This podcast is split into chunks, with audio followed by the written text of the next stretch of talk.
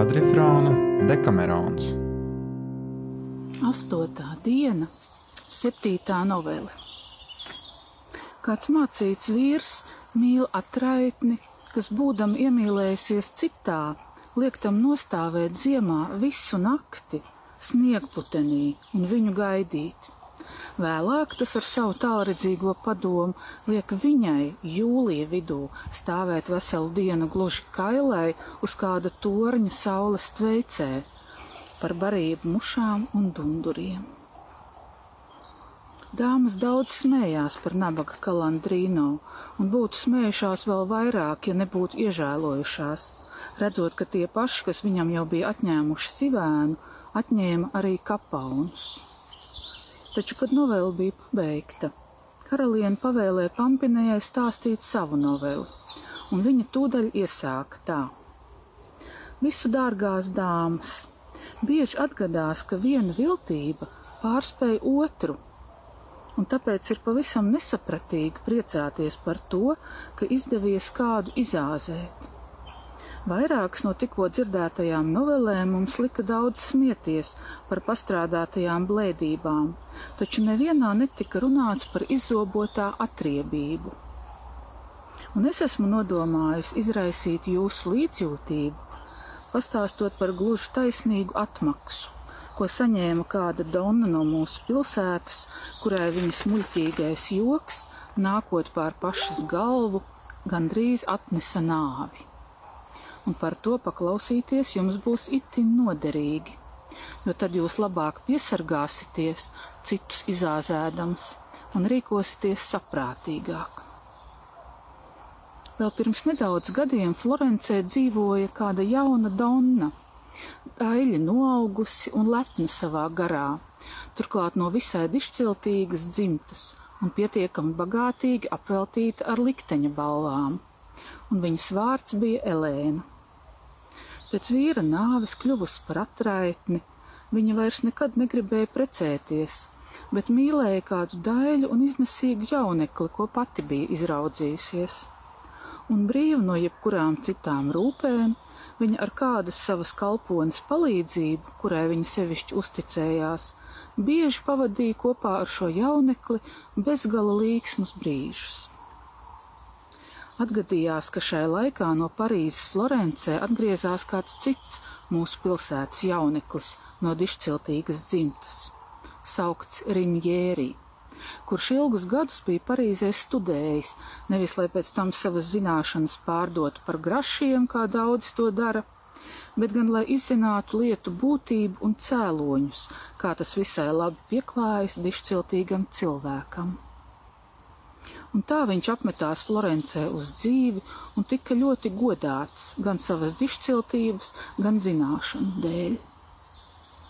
Taču kā tas bieži notiek, ka tādi, kas ielūkojušies lietu būtībā, visdrīzāk sapinas mīlestības valgos, tā notika arī dzen ar Riņģērī. Kādu dienu, aizgājis izklaidēties kādos svētkos, viņš ieraudzīja šo Elēnu, ģērbušos melnās drānās, kā mēdz terpties mūsu atraitnes, un pēc viņa domām apveltītu ar tādu daļumu un piemīlību, kādu viņš šķita nekad vēl neredzējis citās sievietēs. Un viņš pie sevis nodomāja, ka cilvēks, kuram Dievs vēlētu to kailu turēt savās rokās, varētu saukt sevi par svētlaimīgu. Un vienu un otru reizi to piesardzīgi uzlūkojis, un zinādams, ka kaut ko lielu un dārgu nevar iegūt bez pūlēm, viņš nolēma censties un pūlēties visiem spēkiem, lai tai iepatiktos, un lai vēlāk caur šo patikšanu iegūtu tās mīlestību, un varētu izbaudīt ar to mīlestības priekus. Jaunā Donna, kas nekad nevērsa savus skatienus uz zemi, bet drīzāk iedomājās no sevis vairāk nekā bija vērta. Veikli acis grozīdama skatījās visapkārt un tūdaļ ieraudzīja to, kas ar patiku viņā nolūkojās. Un pazinusi Rinjēri, viņa pie sevis smiedamās noteica: Es šodien nebūšu par velti šurp nākusi, jo, ja nemaldos, būšu noķērusi kādu ķivuli savos tīklos. un reizēm pazakšus to uzlūkodama, viņa pūlējās, cik vien spēja tam parādīt, ka nav pret to vienaldzīga. Turklāt viņa domāja tā, jo vairāk vīriešu viņa savaldzinās, un jo vairāk viņa iekāros, jo lielāka būs viņas skaistuma vērtība, un it sevišķi tā acīs, kuram viņa kopā ar savu mīlestību bija dāvājusi arī pati sevi. Mācītais patiesības kalps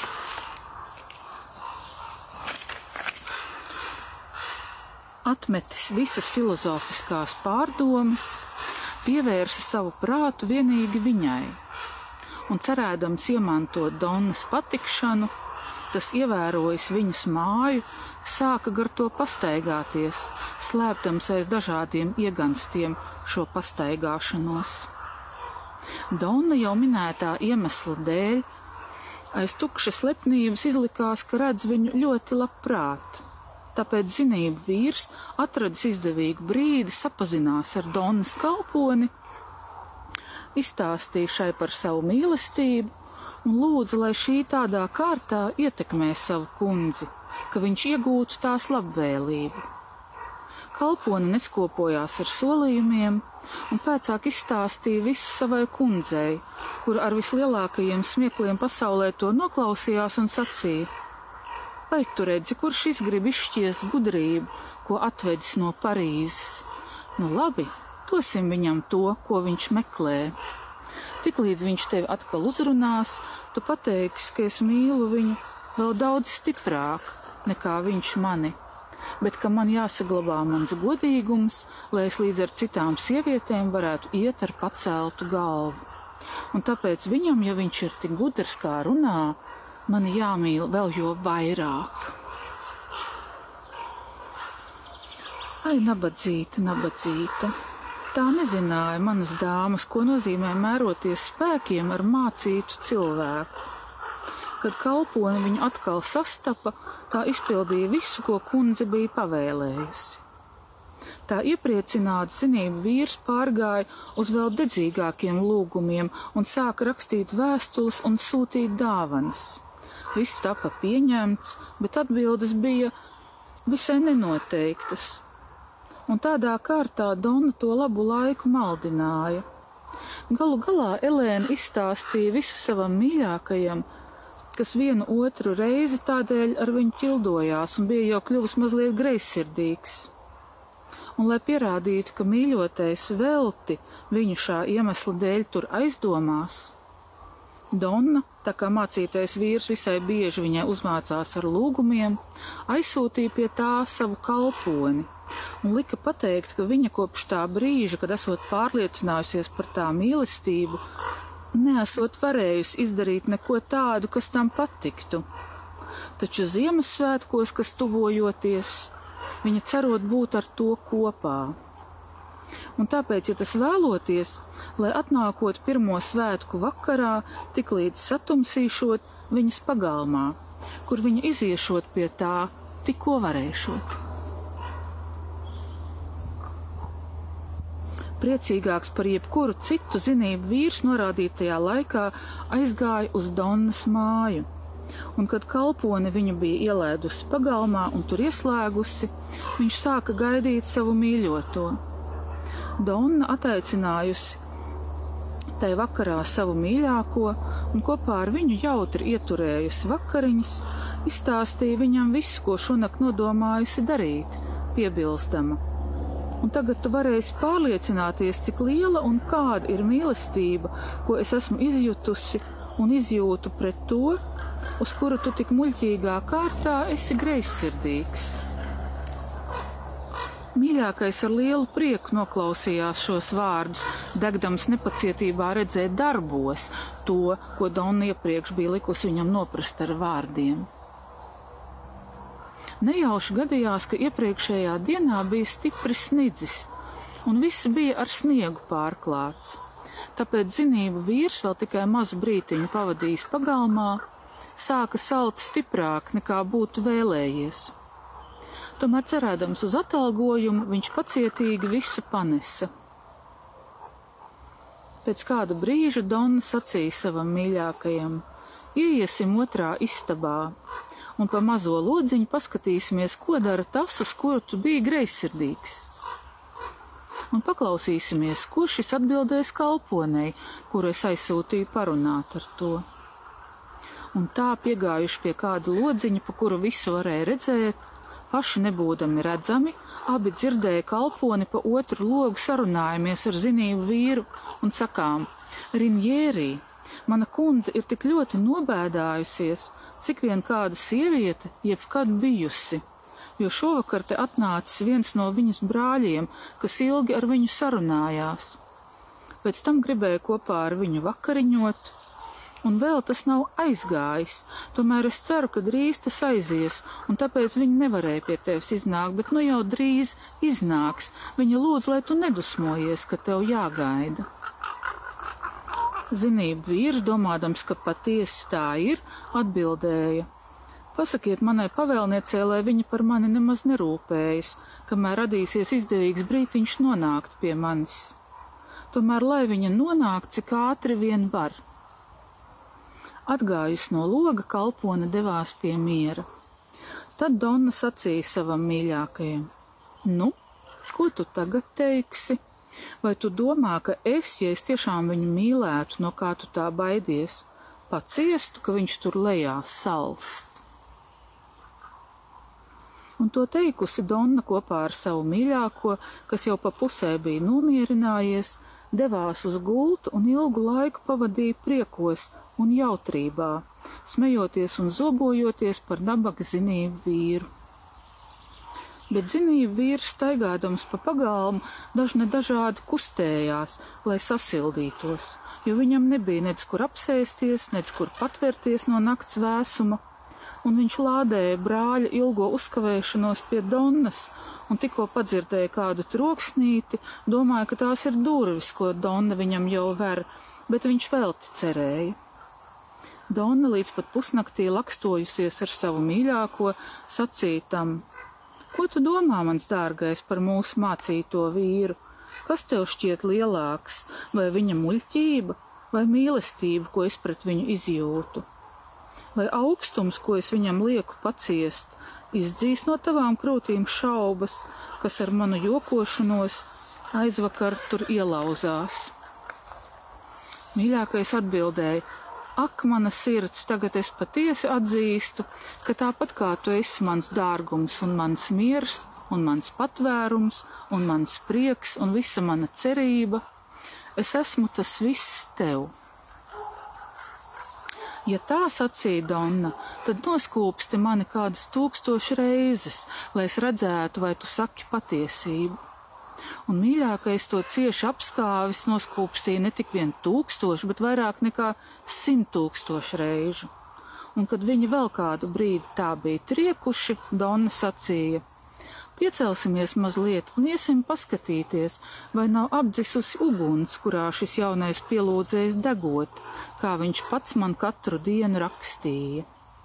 Un tie abi piecēlās un piegāja pie jau minētā lodziņa, un ielūkojušies pagalmā redzēja zinību vīru palēkdamies dejojam pa sniegu paša zobu klaboņas pavadījumā.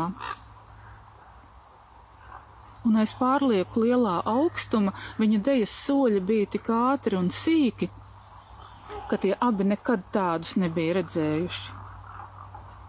Tad Donna sacīja: Ko nu tu teiksi, mana saldā cerība?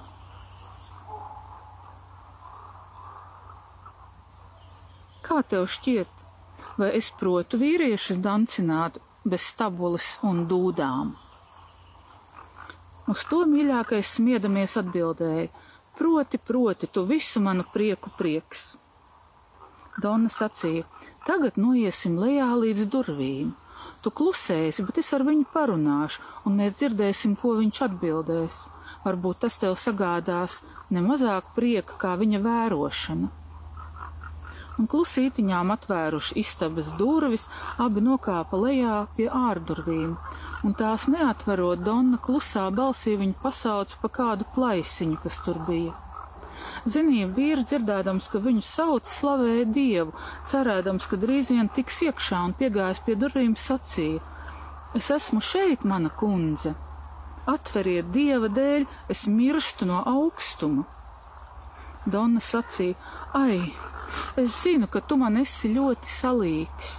Patiešām arī augstums šķiet liels, jo ir pat mazliet snidzis. Tomēr man zināms, ka Parīzē sniega mēdz būt vēl vairāk. Es tevi nevaru ielaist, jo šis mans nolādētais brālis, kas vakar vakarā ieradās pie manis vakariņot, vēl neiet prom, bet drīz viņš ies, un tad es tūdaļ nākšu tevi ielaist. Pašreiz es ar lielām pūlēm aizlavījos no viņa, lai atnāktu tevi nomierināt, un lai tu neskumtu gaidot. Zinīja vīrs sacīja: Ai, kundze, es jūs lūdzu, dieva dēļ atveriet man, lai es varētu pastāvēt iekšā zem jumta, jo nesen šie sāka snikt tik bies sniegs kā nekur pasaulē, un joprojām vēl snieg. Iekšā es jūs pagaidīšu, cik ilgi vien jums lapatiks. Donna sacīja: Ak, vai mans dārgais labais, to es nevaru, jo šīs durvis tik ļoti čīkst, kad tās atver, ka brālis viegli izdzirdētu, ja es tev atvērtu. Taču es iešu viņam pateikt, lai viņš iet projām, un pēc tam es varēšu šurp atgriezties un tev atvērt. Mācītais patiesības kalps sacīja: Tad ejiet ātri, un es jūs lūdzu, lieciet sakurt kamīnā pamatīgu uguni, lai es, kad tikšu iekšā, varētu sasildīties, jo esmu tik briesmīgi pārsalis, ka tik tikko vēl jūtu savus locekļus. Donna sacīja, nevar būt, ja ir tiesa tas, ko tu man rakstīji, ko tu man daudzreiz rakstīji, un proti, ka tu viss degot mīlestībā uz mani. Taču es esmu pārliecināta, ka tu mani māni, Tagad es eju, gaidi un nezaudēju dušu. Mīļākais, kas to visu dzirdēja un jutās tādēļ bezgala apmierināts, atgriezās ar viņu gultā un abi maz gulēja tajā naktī, bet gandrīz visu laiku pavadīja savos priekos un ņirgādamies par zinību vīru. Nabaga patiesības kalps gandrīz jau kļuvis līdzīgs stārķim, jo gluži tāpat klabināja zobus, noprata, ka tiek āzēts, un vairākas reizes mēģināja atvērt vārtus, un skatījās, vai neatradīs kādu citu izeju. Taču to neatrastams riņķoja pa pagalmu kā lauva, lādēdams nejauko laiku. Donnas ļaunprātību, garo nakti kā arī dzen savu vientiesību, un bez mēra noskaities uz viņu, tas savu ilgo un kvēlo mīlestību, ar kādu bija viņu mīlējis, pēkšņi pārvērta niknā un nežēlīgā naidā. Un pie sevis daudz un dažne dažādi pārdomāja, kādā veidā viņai atriepties, ko pat laban vēlējās daudz vairāk, nekā nu pat bija vēlējies satikties ar Donnu. Pēc lielas un ilgas gaidīšanas nakts beidzot gāja uz rīta pusi un sāka svīst gaisma. Tāpēc kalpone Donna samācīta nokāpa pagalmā un izlikdamās jūtam tam līdzi sacīja, lai nelabais parautu to, kas vakar vakarā atnāca pie mums. Tas visu nakti mūs mocīja un lika tev salt. Bet zini ko? Ej vien mierīgi prom, jo kas nevarēja notikt šonakt, notiks kādu citu reizi. To es labi zinu, ka manai kundzei nevar būt nekas nepatīkamāks par šo atgadījumu. Lai arī cik sašutis bija patiesības kalps, būdams gudrs vīrs, viņš zināja, ka draudi nav nekas cits kā ierocis tā rokās, kam tiek draudēts un tālāk viņš ieslēdza dziļi krūtīs to, ko nesavaldīgās jūtas tiecās izpaust, un mierīgā balsī neizrādīdams ne mazāko dusmu sacīja. Patiesībā šī bija visļaunākā nakts, kādu jebkad esmu pieredzējis. Tomēr es pilnīgi pārliecinājos, ka Donna šai ziņā nav ne mazākā mērā vainojama, jo viņa pati jusdama man līdzi nonāca lejā pie manis lūgt piedošanu un mierināt mani. Un kā tu teici, tas, kas nevarēja notikt šo nakti, notiks kādu citu reizi. Pasveicini viņu no manis, un lai Dievs tevi pasargā. un gandrīz pavisam sastīndzis, zinību vīrs kā varēdams aizvilkās uz savām mājām, kur būdams pārguris un mocīdamies ar miegu, iemetās gultā izgulēties, un pamodās gandrīz vai bez kājām un rokām. Tāpēc viņš aizsūtīja pēc ārsta un izstāstījis tam, kādu salu bija pārcietis, lūdzu to parūpēties par viņa veselību. Ārsti sāka viņu dziedināt ar visspēcīgākajiem un vislabākajiem līdzekļiem, un tikai pēc kāda laika tiem izdevās viņu izdziedēt un panākt, ka sastingušās dzīslas atkal atlaidās. Un ja viņš nebūtu bijis jauns gados un nebūtu iestājies silts laiks, viņam nāktos pārlieku grūti mocīties. Taču atguvis atkal veselību un spirktumu, viņš apslēpa sirdī savu naidu, turklāt izlikās vairāk nekā jebkad iemīlējies savā atraitnē. Tad atgadījās, ka pēc kāda laika liktenis viņam sagādāja iespēju piepildīt savu vēlēšanos, jo jaunais cilvēks, ko atraitne mīlēja, nepievērstams nekādu vērību šai mīlestībai, iemīlēja kādu citu un tā kā jauneklis negribēja nedz maz, nedz daudz ar to runāt, nedz arī darīt tai kaut kādu patikšanu, Donna izplūda asarās un žēlabās. Kad dāmas kalponi, kas juta savai pavēlniecei no visas sirds līdz, bet nezināja, kā tai palīdzēt bēdās par zaudēto mīļāko, redzēja zinību vīru pa paradumam staigājam pa šo ielu, viņai ienāca prātā kāda muļķīga doma un raugi, ka kundzei vajadzētu atgūt savu mīļākā mīlestību ar kādu burvestību, un ka šai ziņā zinību vīram vajadzētu būt labam lietpratējam, un viņa pateica to savai kundzei. Tā, nebūdama visai gudra, nemaz nepadomāja, ka zinību vīrs būtu buršanu izmantojis pats savā labā, ja būtu tādu mākslu pratis bet uzklausīja kalpones vārdus un tūdaļ lika, lai kalpone uzzina, vai viņš vēlas to darīt, un noteikti viņam apsola, ka par atlīdzību šī darīšot visu, kas vien viņam labpatiktu. Kalpone labi un cītīgi izpildīja uzdoto.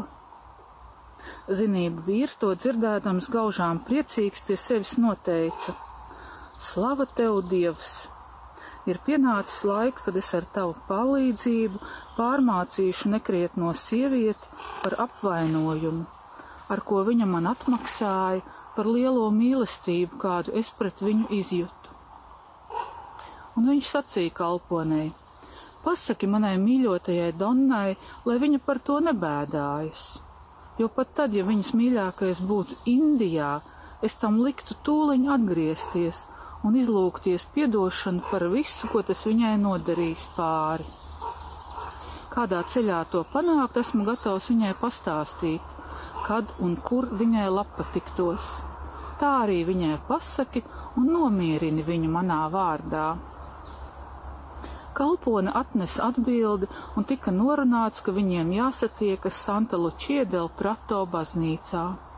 Kad Donna un zinību vīrs tur nonāca, Donna, aizmirsusi, ka bija to gandrīz iedzinusi nāvē, zem četrām acīm sarunājoties, atklāti tam izstāstīja visas savas bēdas un vēlēšanos un lūdza palīdzēt. Uz to zinību vīrs atbildēja: Mana kundze, ir tiesa, ka bez citām gudrībām es Parīzē mācījos arī buršanas māku, un, protams, zinu, kā tas darāms bet tāpēc, ka tā ir sevišķi nepatīkama dievam, es esmu zvērējis nekad to nelietot, nec sevis, nec citu labā. Taisnība, mīlestībai, ko es pret jums izjūtu, ir tāds spēks, ka es nezinu, kā es varētu atteikt kaut ko tādu, ko jūs būtu vēlējusies, lai es izdaru. Un tāpēc kaučies arī tādēļ nokļūt ellē, esmu gatavs to darīt, ja jūs tā vēlaties bet man jūs jābrīdina, ka to izdarīt ir daudz grūtāk nekā jūs varbūt iedomājaties. Un it sevišķi tad, ja kāda sieviete grib atgūt vīriešu mīlestību un vīrietis sievietes, jo to var izdarīt vienīgi tā būtne, kuru tas skar. Un, lai to izdarītu, cilvēkam, kas to dara, jābūt ļoti drosmīgam, jo tas jāveic naktī un nomaļā vietā un bez pavadoņiem, un es nezinu, vai jūs spēsit tā kaut ko izdarīt. Uz to Donna, kas bija vairāk iemīlējusies nekā saprātīga, atbildēja: Mīlestība mani spiež tādā mērā, ka nav lietas, ko es nedarītu, lai tikai atgūtu viņu, kurš mani netaisnā kārtā pametis. Tāpēc, ja tev patīk izstāsti man, kādā ziņā man jāparāda sava drosme. Zinību vīrs, ko pats nelabais dīdīja, sacīja: Mana kundze, man būs jāizgatavo no alvas attēls tā jaunekļa vārdā, kuru jūs vēlaties atgūt. Un kad es jums to būšu aizsūtījis, jums vajadzēs vienā no pēdējām dilstošu mēnesi naktīm pirmā miega stundā kailai un gluži vienai ar šo attēlu septiņas reizes peldēties tekošā ūdenī un pēc tam tādai pašai kailai uzkāpt kādā kokā vai kādā neapdzīvotā mājā un pagriežoties pret ziemeļiem ar attēlu rokā septiņas reizes pateikt zināmus vārdus, ko es jums iedošu uzrakstītus. Un tiklīdz jūs tos būsiet pateikusi, pie jums atnāks divas jaunavas, tās visdaļākās, kādas jūs jebkad būsiet redzējusi. Sveicinās jūs un jautās, ko jūs vēlaties. Tām jūs izstāstīsiet, kā nākas it visas savas vēlēšanās. Un piesargieties, lai jums viņa vietā neizspruktu kāda cita vārds un kad jūs visi būsiet pateikusi, jaunavas aizies, un jūs varēsiet nokāpt tur, kur atstājāt savas drānas, apģērbties un atgriezties mājās. Un droši vēl nebūs pagājusi puse no nākošās nakts, kad jūsu mīļākais raudādams ieradīsies lūgt jums žēlastību un līdzjūtību. Un tad ziniet, ka no šā brīža viņš jūs nekad neatstās kādas citas dēļ. Donnai to dzirdot un pilnīgi visam noticot, likās, ka viņa jau tur mīļāko savās rokās, un kļuvusi itin priecīga, viņa sacīja: Nešaubies, es to izdarīšu ļoti labi. Man ir vislabākā iespēja pasaulē, lai to izdarītu, jo man pieder kāds īpašums ielējā, Arno upes augšgalā, un tas atrodas ļoti tuvu upes krastam, un pašreiz jau ir jūlija mēnesis, kad peldēties būs patīkami. Turklāt es atceros, netālu no upes ir kāds neapdzīvots tornītis, uz kura lēzenā jumta pa kastaņkoka kāpnītēm, kas tur atrodas, reizēm tikai gani uzkāpj, lai paraudzītos pēc saviem lopiem, ja tie kaut kur nomaldījušies. Vieta ir ļoti vientuļa un nomaļa, un uz šā torņa es uzkāpšu, un tur tik labi kā nekur citur pasaulē ceru izdarīt to, ko tu man pavēlēsi. Zinību vīrs ļoti labi zināja gan Donnas īpašumu, gan tornīti, un priecīgs, ka pārliecinājis to par savu nodomu, sacīja: Mana kundze, es nekad neesmu bijis tajā pusē, tāpēc nezinu nec īpašumu, nec tornīti, bet ja tā ir, kā jūs sakāt, tad nekur pasaulē nevar būt labākas vietas. Un tāpēc tikko būs laiks, es jums atsūtīšu attēlu un buramos vārdus. Bet es jūs ļoti lūdzu, lai tad, kad būsiet piepildījusi savu vēlēšanos un pārliecinājusies, cik labi es esmu jums pakalpojis, jūs atcerētos mani un turētu man doto solījumu. Donna apsolīja to visādā ziņā darīt, un atvadījusies no viņa atgriezās mājās. Zinību vīrs, iepriecināts par to, ka, nu, šķiet viņa nodomam jāpiepildās, izgatavoja kādu attēlu ar burvju zīmēm un pats sadomāja un uzrakstīja buramos vārdus.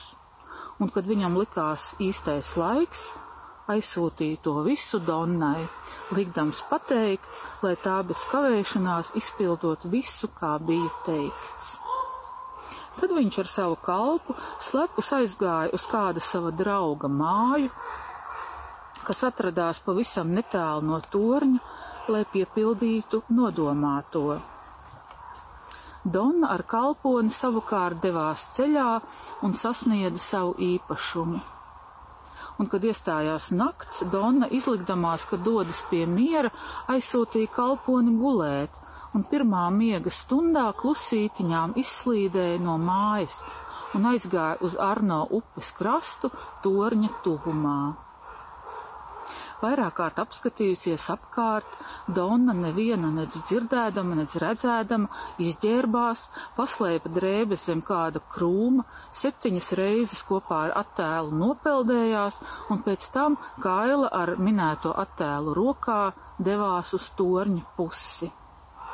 Zinību vīrs naktī uznākot kopā ar savu kalpu bija paslēpies torņa tuvumā starp vītoliem un citiem kokiem, un it visu novēroja un kad Dona gluži kaila pagāja viņam pavisam tuvu garām, un viņš redzēja, ka tā ar savu ķermeņa baltumu uzvar nakts tumsu, un kad viņš aplūkojas tās krūtis un citas ķermeņa daļas, redzēja, cik tās ir skaistas, un pie sevis iedomājās, kādas tās kļūs pēc neilga laika Viņš izjuta nelielu līdzjūtību pret Donu, turklāt viņam pēkšņi uzbruka miesas iekāre un lika piecelties tam, kas gulēja, un mudināja viņu iziet un paslēp, no paslēptuves satvert Donu un piepildīt savu vēlēšanos. Un daudz netrūka, ka viņš būtu ļāvis sevi pieveikt kā līdzjūtībai tā iekārei. Taču atcerēdamies, kas viņš ir un kādu kaunu piedzīvojis, kāpēc un kas viņu apkaunojis, un tādēļ par jaunu iededzies dusmās, viņš aizdzinis līdzjūtību un pārvarējis miesas iekāri, cieši palika pie sava nodoma un ļāva tai iet. Donna, uzkāpusi torni un pagriezusies pret ziemeļiem, sāka skaitīt buramos vārdus, ko viņai bija iedevis zinību vīrs, kurš drīz pēc tam klusi piezagās pie torņa uzmanīgi noņēma kāpnes, kas veda uz jumtu, kur atradās Donna, un pēc tam gaidīja, ko šī teiks un darīs. Septiņas reizes noskaitījusi burvju vārdus, Donna sāka gaidīt divas jaunavas, bet gaidīt nācās ilgi. Debesīs jau redzēja sārdojamies rītausmu, pie kam nakts dzestrums viņu bija vairāk nosaldējis, nekā viņa to būtu vēlējusies. Un tāpēc noskumusi, ka nebija noticis tas, ko zinību vīrs bija solījis, Donna pie sevis noteica. Baidos, ka tik viņš man nebūtu gribējis sagādāt tādu pašu nakti, kādu es sagādāju viņam. Taču, ja tāpēc viņš ar mani tā apgājies, Viņš slikti prati satriepties, jo šī nakts bija trīsreiz īsāka par viņu nakti, turklāt arī saules bija gluži citāds. Un, lai diena viņu nepārsteigtu še, Donna gribēja nokāpt no torņa, bet pamanīja, ka nav kāpņu. Tad it kā zeme viņai būtu zudusi zem kājām, viņa zaudēja samaņu un bez spēka nokrita uz torņa lēzenā jumta. Kad spēki atkal atgriezās, viņa sāka rūkti raudāt un žēloties. Un pavisam labi atskārsdama, ka tam jābūt mācītā vīra darbam, viņa sāka nožēlot, ka bija reiz to apvainojusi un vēlāk par daudz uzticējusies tam, ko viņai patiesībā vajadzēja uzskatīt par ienaidnieku. Tā viņa vaimanāja labu laiku. Pēc tam paskatījusies, vai nav kāda iespēja nokāpt, un tādas neredzēdama, viņa atkal sāka raudāt. Un drūmu domu pārņemt pie sevis sacīja: Ai, nelaimīgā, ko teiks tavi brāļi, radinieki, kaimiņi un visi florencieši, kad uzzinās, ka tu še atrasta kaila? Tavs godīgums, kas šķita tik liels, izrādīsies neīsts. Un ja tu arī atrastu melīgas izrunas, ko tu varētu atrast, tad nolādētais zinību vīrs, kurš zina visus tavus soļus, neļautu tev melot. Ai, tu nožēlojamā, kas vienā stundā būsi pazaudējusi sev par nelaimi mīlēto jaunekli un savu godu. Un tad viņu pārņēma tik lielas sāpes, ka viņa gandrīz gribēja mesties lejā no torņa bet kad saule jau bija gabalā, un viņa pievirzījusies vienā pusē mazliet torņa sienai, skatījās, vai kāds zēns te tuvumā nepienāks ar lopiem, kuru tad viņa varētu aizsūtīt pēc savas kalpones. Atgadījās, ka zinību vīrs, kas zem kāda krūma bija mazliet snaudis, atmodās un ieraudzīja viņu, un viņa to. Zinību vīrs viņai sacīja: Labrīt, mana kundze! Vai jaunavas vēl nav nākušas? Donna, redzēdama to un dzirdēdama runājam, sāka gauži raudāt un lūdza, lai tas pienākot pie torņa, tā ka viņa varētu ar to parunāt. Šai ziņā zinību vīrs bija visai piekāpīgs. Dona nogulusies uz vēdera, uz torņa lēzenā jumta, un vienīgi galvu pabāzusi pāri malai, raudādama sacīja. Rinjēri, ja es tev sagādāju ļaunu nakti patiesi, tu man labi esi pratis atriepties, jo, lai gan ir jūlija mēnesis, es būdama gluži kaila šonakt domāju, ka man nāksies nosalt, turklāt es tik ļoti apraudāju gan tev nodarīto pārestību, gan savu lēticību, ka tas ir brīnums, ja man vēl acis ir pierē palikušas. Un tāpēc es tevi lūdzu, ne aiz mīlestības pret mani, jo tev nevajag mani mīlēt, bet aiz cieņas pret sevi pašu, kas esi dišciltīgs vīrs, lai tu apmierinātos ar atriebību, ko tu līdz šim man esi sagādājis par tev nodarīto apkaunojumu, un liktu atnest manas drēbes un izdarītu tā, ka es no šejienes varētu nokāpt un neatņemtu man to, ko tu vēlāk gribēdams nevarētu man atdot, proti manu godu. Un ja es laupīju tev prieku to nakt būt ar mani kopā, es allaž, kad vien tev lapatiks, atlīdzināšu šo vienu ar daudzām tādām naktīm. Tātad, lai tev kā goda vīram ir gana un pietiek ar šo, ka esi atriebies un licis man to saprast Nemēģini pārbaudīt savus spēkus pret sievieti. Ērglis negūst ne mazāko slavu, uzvarēdams balodi, tāpēc dieva mīlestības vārdā un sava paša goda dēļ apžēlojies par mani. Patiesības kalps ar nocietināto sirdi, pārdomādams saņemto apkaunojumu un redzēdams Donnu raudam un lūdzamies, izjuta reizē gan prieku, gan skumjas.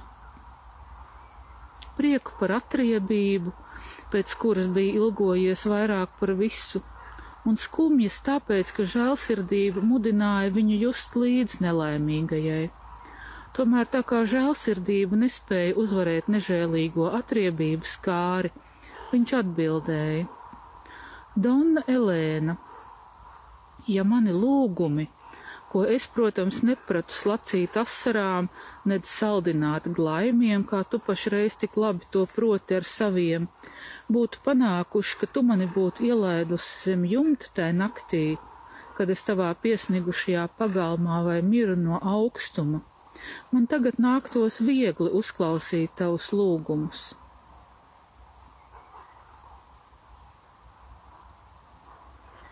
Bet ja tev tagad vairāk nekā jebkad agrāk rūp tavs gods, un tev ir grūti tur augšā kailai gulēt, tad raidi savas lūgšanas uz to, kura rokās tev to nakt, kā tu pati atceries, nebija nepatīkami kailai gulēt dzirdot, ka es zobus klabinādams un sniegu mīdīdams staigāju pa tavu pagalmu. Un lūdzu, lai viņš tev palīdz, lai atnes tavas drānas, lai pieliek kāpnes, pa kurām tev nokāpt. Centies viņu iežēlināt par savu godu, ko tu viņa dēļ, nec tagad, nec tūkstoši citas reizes, neesi vilcinājusies pakļaut briesmām. Kāpēc tu nesauc, lai viņš tev nāk palīgā? kam gan vēl vairāk to pienākas darīt, ja ne viņam? Tu piederi viņam, un ko tad viņš sargās un kam palīdzēs, ja ne tevi un tev? Sauc taču viņu apstulbotā, kāda tu esi, un pamēģini, varbūt mīlestība, ko tu pret viņu izjūti, un tavs prāts kopā ar viņa prātu varēs tevi paglābt no manas muļķības, par kuru tu, jokodama ar viņu, jautāji, kas viņam šķietot lielāka - mana muļķība vai tava mīlestība uz viņu. Nēsi tagad tik devīga ar to, ko es no tevis nevēlos, un ko tu man nevarētu liekt, ja es to vēlētos. Pataupi savas naktis savam mīļākajam, ja gadītos, ka tu dzīve no šejienes aizietu. Lai tās ir tavas un viņa naktis, man atliku likām bija ar vienu, man pietika vienreiz krist apsmieklā.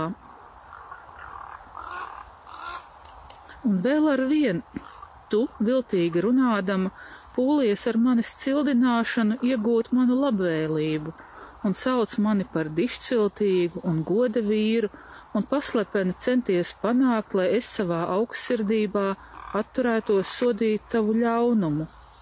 Taču tavi glaimi man tagad vairs neapmiglos saprāta acis, kā kādreiz apmigloja tavi negodīgie solījumi. Es pazīstu pats sevi, Dzīvodams Parīzē, es sevi neiepazinu tik labi, kā tu tagad man liki pašam sevi iepazīt vienā no tavām naktīm. Taču, ja es arī dzen būtu augstsirdīgs, tu neesi no tām, kas pelnījušas šādu augstsirdību.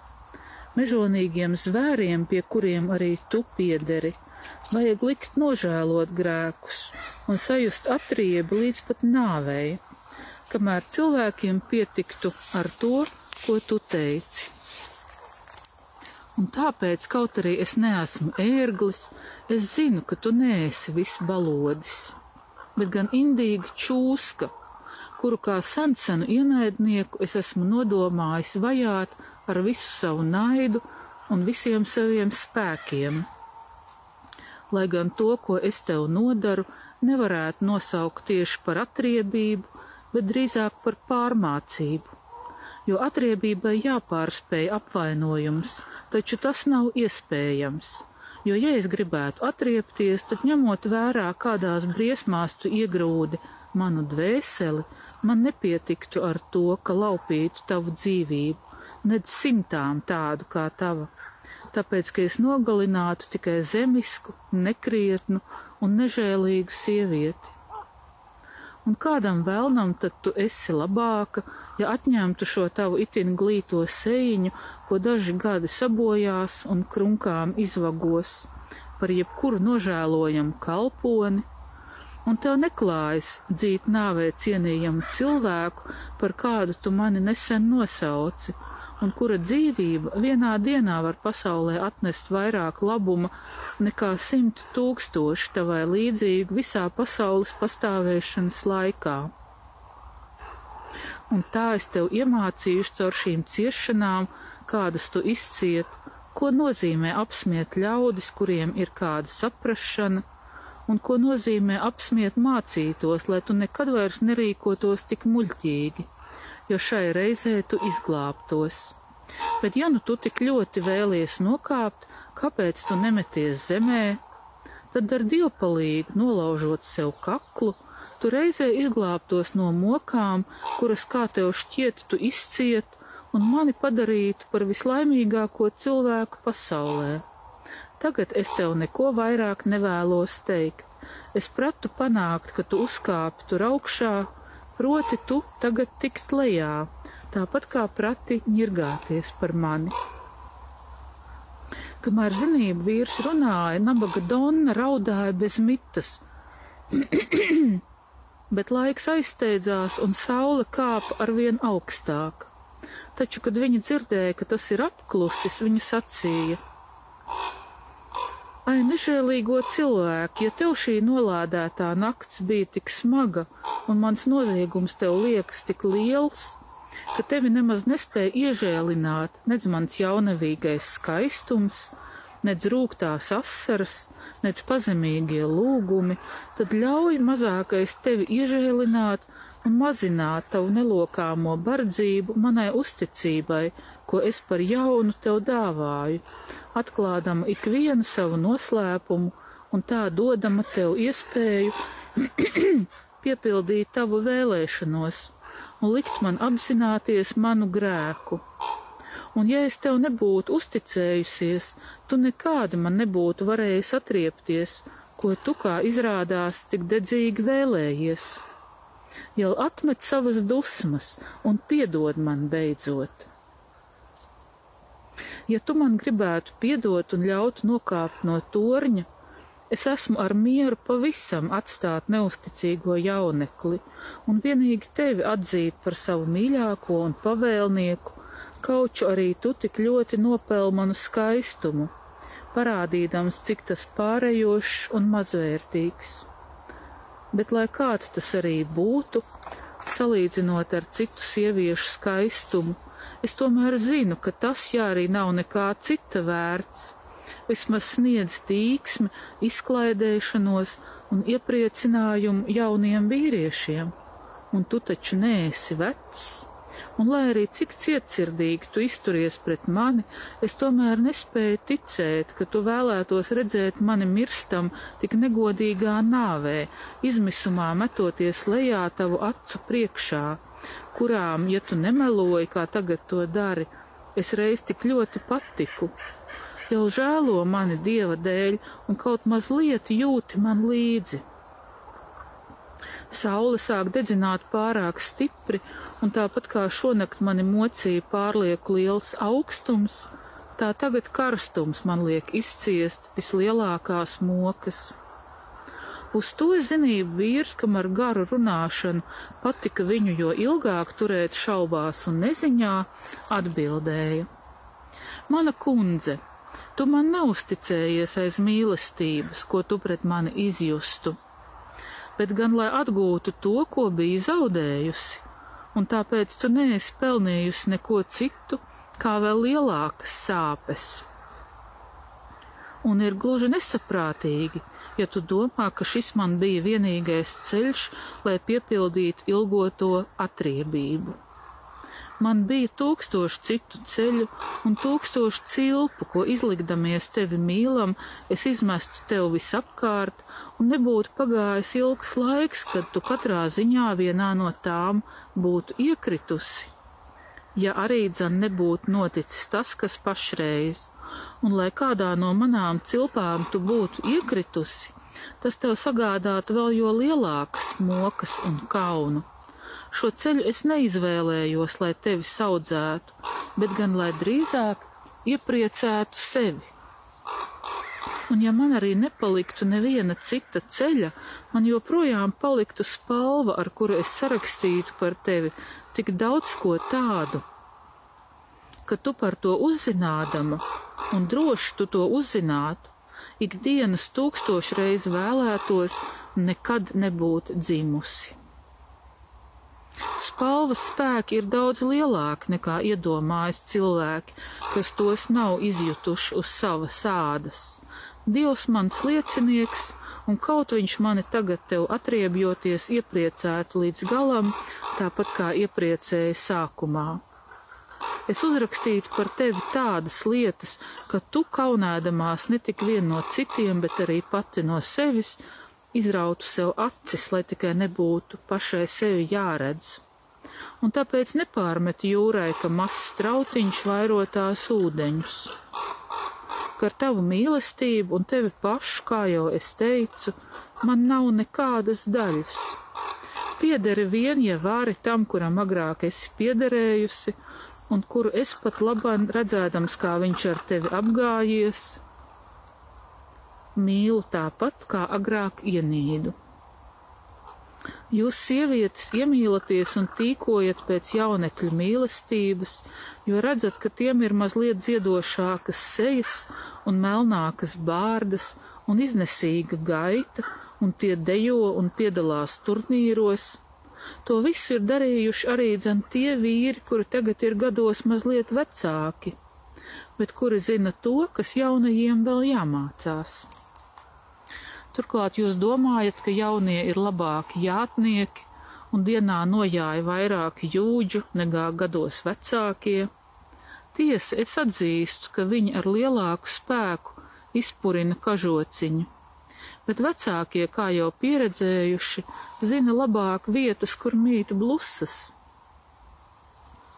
Un tāpēc daudz labāk ir izvēlēties maz un garšīgu, nekā daudz un pliekanu. Un strauji rikši salauž un nogurdina jātnieku, kauču arī jaunu, kamēr lēns solis, lai gan mazliet vēlāk, tomēr noved mājvietā, turklāt bez mazākā noguruma. Jūs nesaprātīgie radījumi neievērojat, cik daudz ļaunuma slēpjas zem šīs glītās ārienes. Jaunekļi taču neapmierinās ar vienu sievieti vien, bet cik daudz ierauga, tik iekāro un tik daudzu domājas esam cienīgi. Tāpēc viņa mīlestība nevar būt pastāvīga, un tu pati par to tagad esi guvusi vispatiesāko pierādījumu. Un viņiem šķiet, ka viņi ir pelnījuši, lai viņu mīļotās viņus cienītu un mīlētu, taču viņiem nav lielāka goda kā dižoties ar tām, kuras viņi ir ieguvuši tāpēc tik daudzas ir ļāvušās mūkiem, kas par to nerunā. Lai gan tu saki, ka par tavām mīlas dēkām nekad citi nav zinājuši, kā vien tava kalpone un es, tev nepareizi sastāstīts, un tu maldies, ja tam tici. Viņa un tavā ielā ļaudis gandrīz ne par ko citu nerunā, taču visbiežāk tas, ko šādas valodas vistuvāk skar, ir pēdējais, kuram tās nonāk ausīs. Turklāt jaunie jūs sievietes aplaupa, kamēr vecākie apdāvina. Tad nu tu, kas esi alojusies izvēlē, paliec pie tā, kam sevi atdevi, un mani, kuru tu apsmēji, atstāja citai. Un es jau esmu atradis Donu daudz cienījamāku par tevi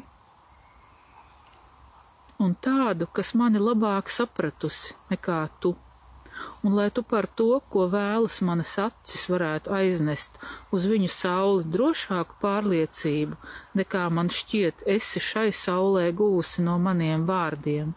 Meties ātrāk lejā, un tava dvēsele, kas jau atrodas vēlna ķetnās, kā man liekas, varēs redzēt, vai manas acis, skatot tavu briesmīgo kritienu, sapulsīs vai nē.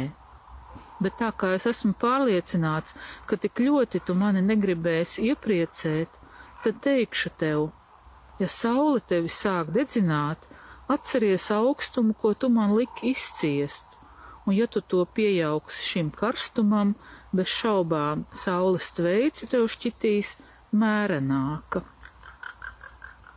Noskumusī sieviete dzirdēdama, cik nežēlīgi ir arī dzen zinību vīra pēdējie vārdi, sāka par jaunu raudāt un sacīja: Ja nekas tevi nespēja pamudināt just man līdz, tad lai tevi pamudina mīlestība, ko tu izjūti pret šo sievieti, kuru tu sakies atradis gudrāku par mani, un kura, kā tu apgalvo, tevi mīlot, un aiz mīlestības uz viņu piedod man, atnes man manas drānas, lai es varu apģērbties un palīdzi man no šejienes nokāpt.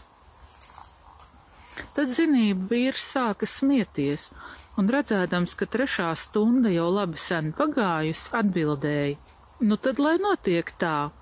Tagad es nevaru teikt nē, ja tu mani lūdz tādas donnas vārdā. Pasaki man, kur ir drānas, un es aiziešu pēc tām un palīdzējuši tev no torņa nokāpt. Nelaimīgā tam noticēdama mazliet nomierinājās un norādīja viņam vietu, kur bija nolikusi drānas. Aizgājis no torņa zinību vīrs pavēlēja kalpam nekur tālu neiet, bet uzturēties torņa tuvumā, un cik vien iespējams sargāt, lai neviens te nepienāktu, kamēr viņš pats atgriezīsies. Un to pateicis, Zinība vīrs aizgāja uz kāda sava drauga māju, tur lielā mierā paēda pusdienas, un pēc tam, kad šķita īstais laiks, nolikās atpūsties. Donna, palikusi uz torņa, kauču lūkoja sevi mierināt ar neprātīgu cerību, tomēr bija bezgala noskumusi un apsēdās piespiesdamās torņa sienētai pusē, kur mazliet sniedzās ēna, un visdrūmāko domu nomākta sāka gaidīt. Un gan domādama, gan raudādama, gan zaudēdama jau katru cerību, ka zinība vīrs ar drānām atgriezīsies, un šaudīdamās no vienas domas pie otras, viņa, ko sāpes bija salauzušas, un kas nevienu brītiņu iepriekšējo nakti nebija gulējusi, iemiga. Saula jau uzkāpus pusdienā bija neizsakāmi svelmaina, un tās stari neaizklāti un tieši krita uz Donnas maigā un trauslā auguma un neapsektās galvas ar tādu spēku, ka ne tik vien apdedzināja visu viņas ķermeni,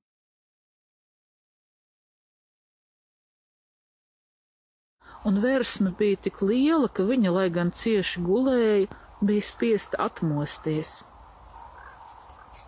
un kad viņa sajuta saules cepināšanu un mazliet pakustējās, viņai pie katras kustības likās, ka apsvilusī āda pārplīst un sabirst, kā redzam, sabirstam apdedzinātu pergamentu, ja to pavelk. Turklāt viņai tik stipri sāpēja galva, ka likās tā pārsprāgs, kas nebūtu arī nekāds brīnums un torņa jumts bija tik dedzinoši karsts, ka viņa nevarēja atrast vietu nec kājām, nec kam citam, tāpēc viņa raudādama bez apstājas meimuroja no vienas jumta malas līdz otrai. Un tā kā nepūta ne mazākā vēsmiņa, še nebija saradušies milzīgu, še bija saradušies milzīgi mušu un dunduru bari, kas nosēdušies uz kailā ķermeņa, tik stipri viņu dzēla, ka katrs kodiens viņai šķita kā šķēpa dūriens. Tāpēc viņa nevienu brīdi nepārstāja gaiņāties ar rokām, nolādēdama pati sevi, savu dzīvi, savu mīļāko un zinību vīru. Un tā nepanesami lielā karstuma, saules, mušu, dunduru, kā arī izsalkuma un vēl jo vairāk slāpju un tūkstošiem skumju domu mocīta, spīdzināta un durstīta, Viņa piecēlās kājās un sāka skatīties, vai nedzird, neredzēs un nedzirdēs tūmā kādu cilvēku. Nolēmusi, lai kādas tam būtu sekas, pasaukt to un izlūgties palīdzību. Taču arī šo palīdzību naidīgais liktenis viņai laupīja. Zemnieki lielās tveices dēļ bija visi aizgājuši no lauka, un tā gadījās, ka neviens todien negāja tur garām uz darbu, jo visi kūla labību pie savām mājām. Tāpēc viņi dzirdēja vienīgi cikādu kliedzienus un redzēja Arno, kas vilinādam viņu ar saviem ūdeņiem, slāpes netik, netik vien neremdināja, bet padarīja vēl lielākas. Vairākās vietās viņa redzēja arī mežus, pēnu un mājas, kas viss lika viņai mocīties, jo viņa velti ilgojās pēc šā patvēruma. Ko lai mēs vēl sakām par nelaimīgo Donu? Saule no augšas, klona versme no apakšas un no visām pusēm mušu un dunduru kodieni bija tā apstrādājuši šo sievieti, kas iepriekšējā naktī ar savas miesas baltumu pārspēja tumsu, ka tagad sarkana kā kašķis un viscaur notašķījusies ar asinīm, viņa izliktos vispretīgākā būtne pasaulē ikvienam, kas viņu tādu būtu redzējis. Un tā palikusi bez jebkāda padoma vai cerībām, viņa drīzāk gaidīja nāvi nekā ko citu un kad bija pagājusi jau puse no devītās stundas, zinību vīrs piecēlies no diendusas un atcerējies savu dāmu, atgriezās pie torņa, lai redzētu, kas ar viņu noticis, un aizsūtīja paēst savu kalpu, kurš vēl nebija ēdis. Kad Donna izdzirda to tuvojamies, viņa gluži gurdena lielo bēdu izmocīta, pienāca pie spraugas, nosēdās tur un raudādama sāka runāt. Rinjēri, tu man esi atriebies pār pārēm. Ja es tev liku naktī salt manā pagalmā, tu man liki cepties šodien uz šā torņa. Vēl vairāk liki man degt un turklāt mirt aiz bada un slāpēm. un tāpēc es lūdzu tevi tā kunga vārdā, uzkāpši augšā, un tā kā man pašai nav drosmes sevi nogalināt, nogalini tu mani, jo mirt es vēlos vairāk par visu, tik lielas ir mokas, ko es ciešu. Un ja tu negribi būt tik žēlsirdīgs, tad mazākais pasniedz man kausu ūdens, lai es varētu apslapināt lūpas, kam nav gana ar manām asarām, tik liels sausums un karstums man ir iekšā. Zinību vīrs gluži labi noprata pēc balss viņas vājumu un redzēja arī kādu daļu no viņas ķermeņa, ko saule bija pavisam sadedzinājusi. Un gan tādēļ, gan viņas pazemīgo lūgumu dēļ tas mazliet sāka just viņai līdz, tomēr atbildēja. Nekrietnā sieviete, no manām rokām tu nemirsi, tu mirsi pati no savām, ja vēlēsies mirt un no manis tu saņemsi tikpat daudz ūdens, lai veldzētu savu karstumu, cik daudz uguns es saņēmu no tevis, lai mazinātu savu sastingumu. Tikai tas man ļoti sāp, ka manu kaiti, ko es dabūju aiz augstumu, nācās ārstēt ar smirdošu mēslu siltumu, kamēr tavu, ko tu dabūji no karstuma, dziedēs smaržīga rožūdens vēsums, un kamēr es gandrīz pazaudēju savu locekļu vingrumu un pat dzīvību, tu, ko šis karstums apdedzinājis, atkal kļūsi daļa, itin kā čūska nomet savu veco ādu. Ai, es nelaimīgā! Izsaucās Donna šo daļumu iegūt tādā kārtā, lai Dievs dod tiem, kas man vēl ļaunu. Bet tu, kas esi nežēlīgāks par plēsīgu zvēru, kā tu biji spējīgs mani tā mocīt? Ko gan vēl vairāk es būtu varējusi gaidīt no tevis vai kāda cita, ja es visu tavu dzimtu būtu nogalinājusi ar visnežēlīgāko spīdzināšanu? Patiesi, es nezinu, vai nežēlība ar kādu vajadzētu mocīt nodevēju, kas būtu iznīdējis veselu pilsētu, varētu būt lielāka par to nežēlību, ar kādu tu mani mocīji, liekot man cepties saulē un pametot mani mušām par barību. Un turklāt tu negribi man pasniegt pat kausu ūdens, kamēr slepkavām, ko tiesa notiesājusi, kad tie iet uz soda vietu, dod dzert pat vīnu, ja viņi to lūdz. Tā kā es redzu, ka tu paliec nelokāms savā nepielūdzamajā nežēlībā, un ka manas ciešanas nemazākajā mērā tevi neiežēlina, es esmu gatava pacietīgi sagaidīt nāvi, un lai Dievs apžēlojas par manu dvēseli. Un viņu es lūdzu, lai viņš ar taisnīgām acīm aplūko šo tavu darbu. Un pateikusi šos vārdus, Donna ar milzīgām pūlēm aizvilkās uz jumta vidu, zaudējusi ik katru cerību paglāpties no svelmainā karstuma. Un nevienreiz vien, bet tūkstoši reižu viņai likās, kad nerunājot par citām mokām, viņa nomirs no slāpēm un viņa nepārstāja gauži raudāt un žēloties par savu nelaimi.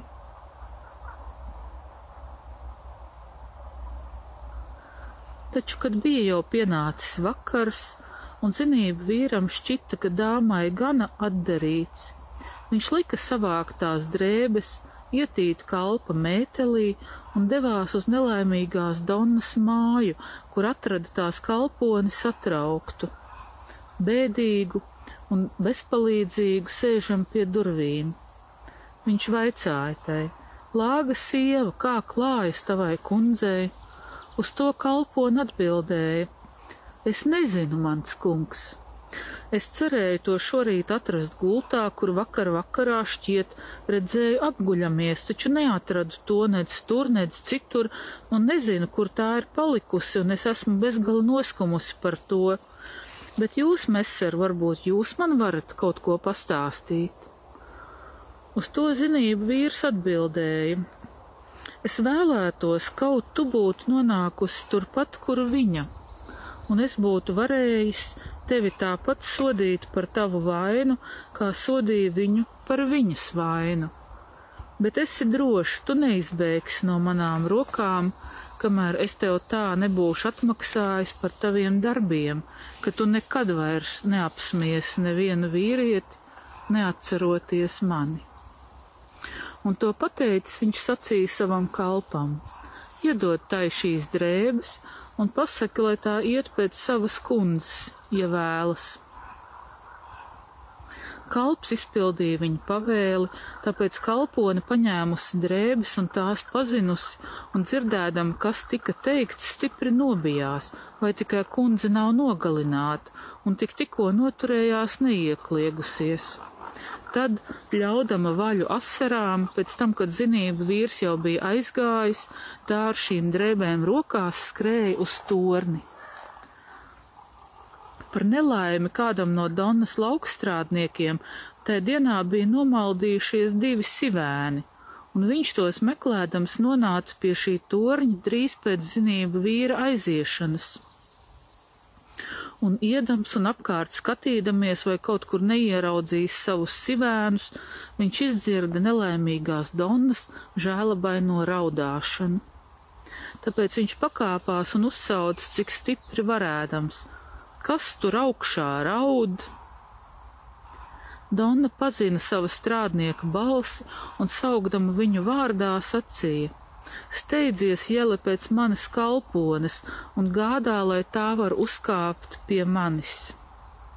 Laukstrādnieks viņu pazīdams sacīja: Vai, manu kundze, kas jūs tur uznesa augšā? Jūsu kalpone visu dienu te staigāja jūs meklēdama, bet kas gan to būtu domājis, ka jūs varētu būt tur? un paņēmis redeļu kāpņu kārtis, viņš sāka tās sliet augšā, tā, ka tām, ka tā, kā tām vajadzēja stāvēt, un ņēmās ar vītola klūgām piestiprināt šķērskokus. Pa to laiku piesteidzās kalpona un piegājusi pie torņa, nespēdama vairāk novaldīt savu balsi, sasita plaukstas un sāka kliegt. Ak, vai mana dārgā kundze, kur jūs esat? Donna to dzirdēdam sacīja, cik stipri varēdama. Ai, māsiņ manu, es esmu šeit augšā, neraudi, bet pasniedz drīzāk manas drēbes. Kad kalpone dzirdēja viņu runājam, tā gandrīz pavisam nomierinājusies uzkāpa pa kāpnēm, ko strādnieks tikko kā bija saslējis, un ar viņa palīdzību sasniedz torņa jumtu. Taču redzēdam, ka kundze, kuras augums tagad atgādināja, tagad drīzāk atgādināja pārogļojušos koka kluci, nevis cilvēka ķermeni, pavisam izmocīta un izkropļota kaila guļ uz zemes un ir ieķērusies ar nagiem sejā, viņa sāka raudāt, kā mēdz apraudāt mirušu.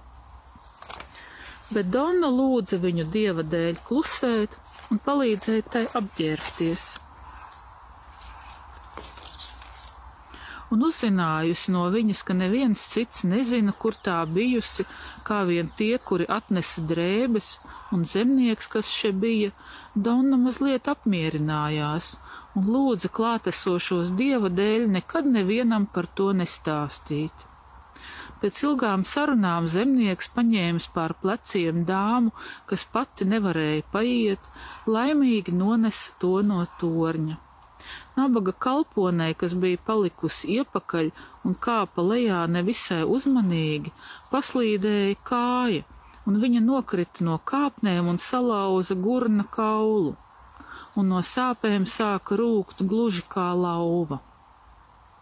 Strādnieks nolicis Donu uz mauriņa, gāja skatīties, kas noticis ar kalponi, un atradis to ar salauztu kāju, aiznes arī to uz mauriņa un nolika blakus tās pavēlniecei. Kad Donna redzēja, ka uz visām viņas, ka visām viņas nelaimēm pievienojas vēl viena, un ka tā, uz kuras palīdzību viņa cerēja visvairāk, salauzusi kāju, viņa bezgala noskumusi sāk raudāt tik gauži, ka strādnieks ne tik vien nespēja viņu nomierināt, bet arī pats sāk raudāt līdzi. Taču, kad saule jau bija zemu, un viņus tur draudēja pārsteigt nakts, un strādnieks kā lapatika Donnai, kas jau bija zaudējusi it visas cerības, devās uz savām mājām un pasauca divus savus brāļus un sievu, kuri atnākuši ar kādu dēli, novietoja uz tā kalponi un aiznesa uz māju. Apmierinājis Donu ar mazliet vēsa ūdens un labiem vārdiem, strādnieks uzcēla viņu plecos un aiznesa uz savas sievas istabu. Strādnieka sieva iedavusi viņai maizes kvasu, noģērba viņu, noguldīja un parūpējās, lai viņa un kalpone naktī taptu nogādātas uz Florenci, un tā arī tika izdarīts. Tur Donna, kurai bija pie rokas nemazums viltību, sacerēja kādu pasaciņu, kas nemaz nelīdzinājās īstenajiem notikumiem, un iestāstīja saviem brāļiem, māsām un visiem pārējiem, ka ar viņu un viņas kalponi tā atgadījies kaut kādu vēlnišķīgu burvību dēļ. Tapa attaicināti ārsti, un tie Donnai pārciešot vislielākās sāpes un bailes, un vairāk kārt nometot atlupušo ādu palagos, izdziedēja viņu no stipra druģa un citām kaitēm, un tāpat izdziedēja arī dzen kalponis kāju. Un tāpēc Donna, aizmirsusi savu mīļāko, no šā brīža visai gudri izsargājās no zobošanās un iemīlēšanās.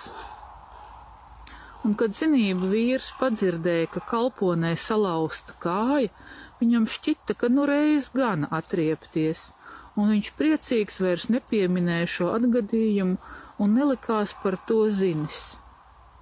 Un tā izgāja par viņas zobošanos jaunajai muļķa Donnai, kura tikpat viegli kā ikvienu citu gribēja apvest ap stūri zinību vīru.